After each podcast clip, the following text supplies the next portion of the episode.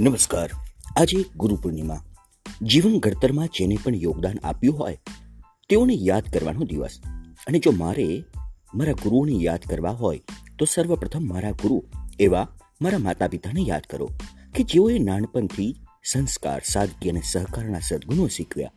પ્રાથમિક શાળામાં મનુભાઈ માસ્તર કે જેઓ રોજ પ્રાર્થનામાં મહાભારતની વાર્તાઓ કહે અને સાથે કહેતા કે દુનિયામાં ખરાબ માણસોની સંખ્યા ભલે વધારે હોય, પરંતુ ભગવાન હંમેશા સાચા માણસની સાથે હોય છે, જેથી પરમેશ્વર પર આસ્થા રાખતા શીખ્યો. શાળા કક્ષાએ સુશીલાબેન કે જેઓ વારંવાર કહેતા, આમ નહીં, આમ જ.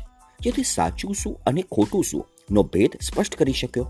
કોલેજ કાળમાં ડોક્ટર આમ્રપાલીબેન મળચન ને યાદ કરવા રહ્યા કે જેઓએ દુનિયાના મોટા હોદ્દા પર બેઠેલા ચોરો સામે સતત ફાઇટ કરવાનું શીખ્યું. આજના આ ગુરુ પૂર્ણિમાના દિવસે જ્યારે ગ્રહણ છે ત્યારે સમાજમાં છેલ્લા કેટલાક દિવસોથી કહેવાતા ગુરુઓ અને મોટા મોટા ગુરુકુલો પર ગ્રહણ લાગ્યાના કિસ્સા સાંભળીએ છીએ ત્યારે કોઈ વ્યક્તિ નહીં, પરંતુ આદર્શ એવા ભગવા ધ્વજને પણ નમન કરવા રહ્યા કે જે ત્યાગ, સમર્પણ, વીરતા અને રાષ્ટ્રીયતાના ભાવો દ્રઢ કર્યા છે. સતત નવ શીખવા, પ્રેરતા ગુરુ ગૂગલને પણ યાદ કરવા રહ્યા. And and but not on the list Osho Rajneesh કે જે કહેતા કે તું તારો ગુરુ થા.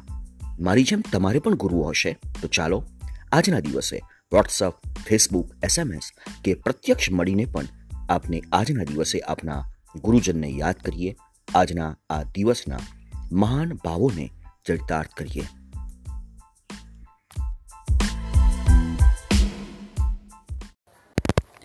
અને વેકેશનમાં શું કરી શકાય? આ વેકેશનનો ઉપયોગ કરવા માટેના નવા નવા આઈડિયા અને તેમાંથી જ એક વિચાર આવ્યો કે કેમના બ્રોડકાસ્ટમાં આપણી એક સિરીઝ શરૂ કરી અને શરૂઆત કરી